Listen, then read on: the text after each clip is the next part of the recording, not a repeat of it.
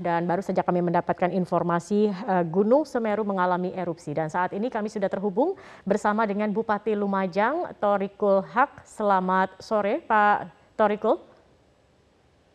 Selamat sore Mbak Zakia.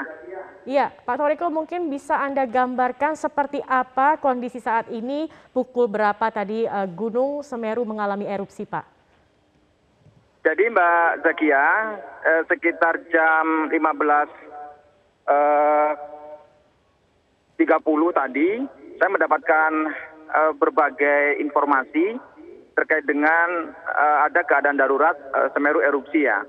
Hmm. Dari informasi yang saya dapat, ini lebih apa? Lebih lebih lebih kekuatannya lebih berbanding yang erupsi tahun yang lalu. Hmm. Karena se sampai sekarang pun kondisi yang ada di dua kecamatan, di kecamatan Pronojiwo dan kecamatan Candipuro, gelap gulita Mbak, Mbak Zakia. Um, situasi yang terjadi sekarang itu ada beberapa kecamatan di lereng Semeru yang betul-betul terdampak. Berapa Dan banyak, Pak? kita masih belum bisa memastikan uh, hmm. berapa kecamatan, berapa desa. Hmm. Sekarang masih berlangsung. Masih Jadi, berlangsung. Uh, ya, sekarang masih berlangsung. Hmm. Keadaan gelapnya masih berlangsung. Dan erupsi pun masih masih terus terjadi begitu Pak Toriko. Ya, saya sampaikan ulang, saya sampaikan informasi bahwa sejak tadi malam erupsi mengalami beberapa uh, guncangan erupsi yang mengeluarkan lapar pijar itu sekitar jam 12 malam hingga jam 1 dini hari lebih. Jadi selama hmm. satu jam itu mengalami beberapa kali uh, keluarnya lapar pijar. Tetapi uh, hingga pagi hari belum ada uh, keadaan yang mengkhawatirkan.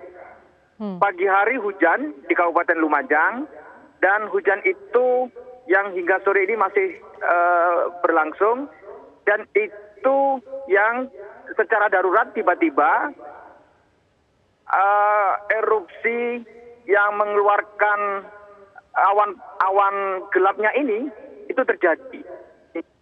Manajemen PT Transjakarta akan bekerja sama dengan KNKT untuk melakukan audit menyeluruh terkait dengan operasi Transjakarta yang mengalami beberapa kecelakaan baru-baru ini.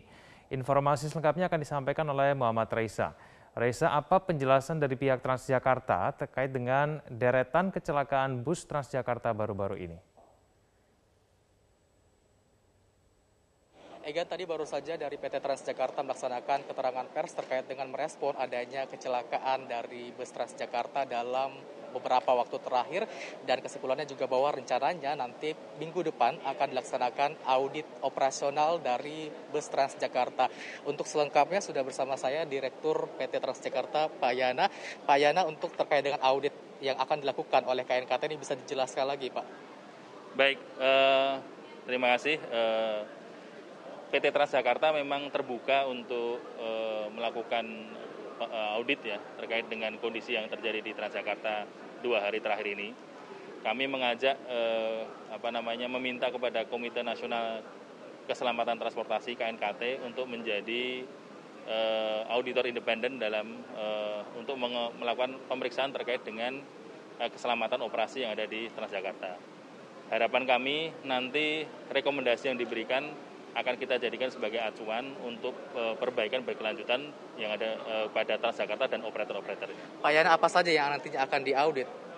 Nah, uh, audit akan meliputi apa saja? Pertama akan meliputi mengenai armada. Jadi seluruh armada yang dioperasikan oleh uh, PT Transjakarta. Kita saat ini armada sekitar 3.500 unit. Kita ingin diaudit juga. Yang kedua terkait dengan para mudi, ya kurang lebih hampir ya 8.000 orang ya. Nah, ini lihat kita lihat uh, auditnya bagaimana prosedurnya segala macam. Dan yang ketiga nanti ada audit lingkungan ya, berupa jalan dan rute koridor yang ada. Seperti itu. Pak Yana tadi juga dikatakan bahwa saat ini ada sekitar 8.000 pramudi atau jurumudi yang kemudian bekerja di Transjakarta. Bagaimana kemudian memastikan bahwa seluruh pramudi ini dalam kondisi yang prima ketika membawa mobil? Karena kalau kita lihat beberapa kasus terakhir juga disebabkan karena uh, dari pramudi sendiri, Pak. Baik, kita memang eh, apa namanya 8.000 ini bukan hanya bukan hanya dari Transjakarta ya. Jadi meliputi juga eh, pengemudi dari operator. Kita saat ini ada sekitar 16 operator, 17 operator yang apa bekerja sama dengan kita. Kita ingin memastikan para pengemudi-pengemudi tersebut pertama sehat. Yang kedua menjalankan SOP dengan baik dan yang ketiga tentu tidak melakukan pelanggaran. Oleh sebab itu dari sisi kami ya, kami adalah sebagai istilahnya pengendali operasi ya kami ingin memastikan SOP itu berjalan dengan cara ya mereka kita pantau di lapangan. Kita punya pemantaunya dari mana? Pemantau yang ada di halte, pemantau jalan, dan juga pemantau dari eh, sistem kontrol kami. Bila mana ada pelanggaran, kami akan melakukan peringatan segera. Kira seperti itu. Pak terkait dengan kecelakaan kemarin juga sudah menghentikan saat ini operator dari bus Transjakarta tersebut. Apakah ini juga akan mengganggu operasional dari Transjakarta saat ini, Pak? Kami kemarin e, menghentikan sementara ya, menghentikan sementara e, dua e, apa namanya dua operator dalam hal ini adalah unit yang sesuai dengan yang kecelakaan. Jadi kami menghentikan kurang lebih e, untuk yang hari Kamis itu e, 118 unit e, bis dengan spesifikasi yang sama dari sebuah operator. Kemudian di hari Jumat setelah ada kejadian kita menghentikan juga 100 unit bis untuk dilakukan evaluasi terkait dengan eh, bagaimana pelayanan kami tidak apa namanya kami sudah melakukan eh, simulasi dan kita akan eh, mengendalikan dengan semua bisnis yang ada. Eh, saya kira semuanya sudah kita, bisa kita antisipasi. Pak Yada untuk ditekankan kembali terkait dengan operasional dari Transjakarta sendiri sebenarnya bagaimana Pak SOP untuk pengoperasian uh, bus Transjakarta apakah memang sudah dibatasi terkait dengan kecepatan?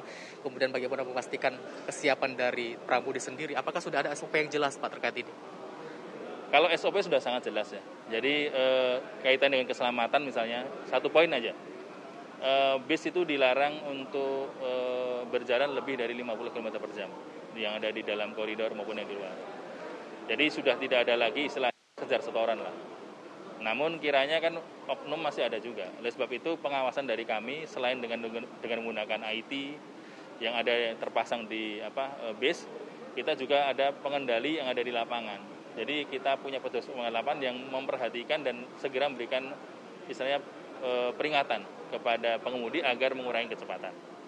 Nah, salah satu yang perlu juga dikendalikan adalah bagaimana memastikan pengemudi itu sehat sebenarnya waktu mengemudi kendaraan. Oleh sebab itu, walaupun kita sudah memiliki perangkat SOP untuk medical check up yang dilakukan oleh operator, kami juga sebagai pengendali operasi juga menambahkan untuk adanya medical check up terkait dengan hal tersebut. Kira begitu. Terima kasih Pak Terima Direktur PT Transjakarta, Pak Yana.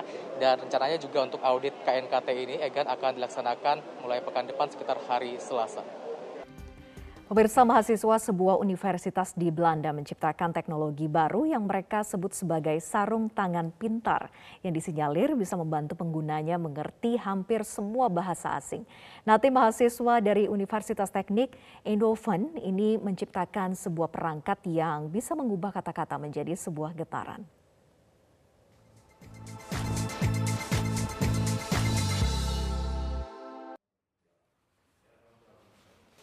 Para mahasiswa dari Universitas Teknik Eindhoven ini yakin alat sederhana ini memungkinkan penggunanya untuk mengerti hampir semua bahasa asing. Mereka merancang getaran bahasa berdasarkan 39 bahasa asing yang berbeda. Algoritma komputer mengubah bahasa Inggris tertulis menjadi data suara, yang kemudian mengubah mereka menjadi getaran. Setiap suara memiliki bentuk getaran yang berbeda. Tim riset mengatakan membutuhkan waktu sekitar satu bulan untuk berlatih dan mempelajari bahasa getaran. Salah satu anggota tim sekaligus mahasiswi teknik industri Lisa Overdevos juga ikut mempelajari bahasa getaran itu. Saat ini, para pengguna baru dapat merasakan dan memahami bahasa yang sudah ditulis. Namun ke depannya, tim riset mengatakan alat itu juga bisa mengubah bahasa terucap menjadi getaran. Namun untuk bisa menjadi alat yang lebih canggih, diperlukan teknologi artificial intelligence atau kecerdasan buatan. Inilah yang kini tengah dikerjakan tim riset. Tim ini juga ingin membuat alat getar yang langsung menempel di pakaian. Jika berhasil mengubah bahasa terucap menjadi getaran, kemungkinan besar alat ini akan sangat membantu mereka yang memiliki kesulitan pendengaran. Mereka akan bisa berbincang dengan seseorang menggunakan indera perasa tanpa harus melihat lawan bicaranya. Selanjutnya, pada bulan Februari, tim ini akan bekerja dengan para mahasiswa yang memiliki kesulitan pendengaran untuk keperluan pengembangan.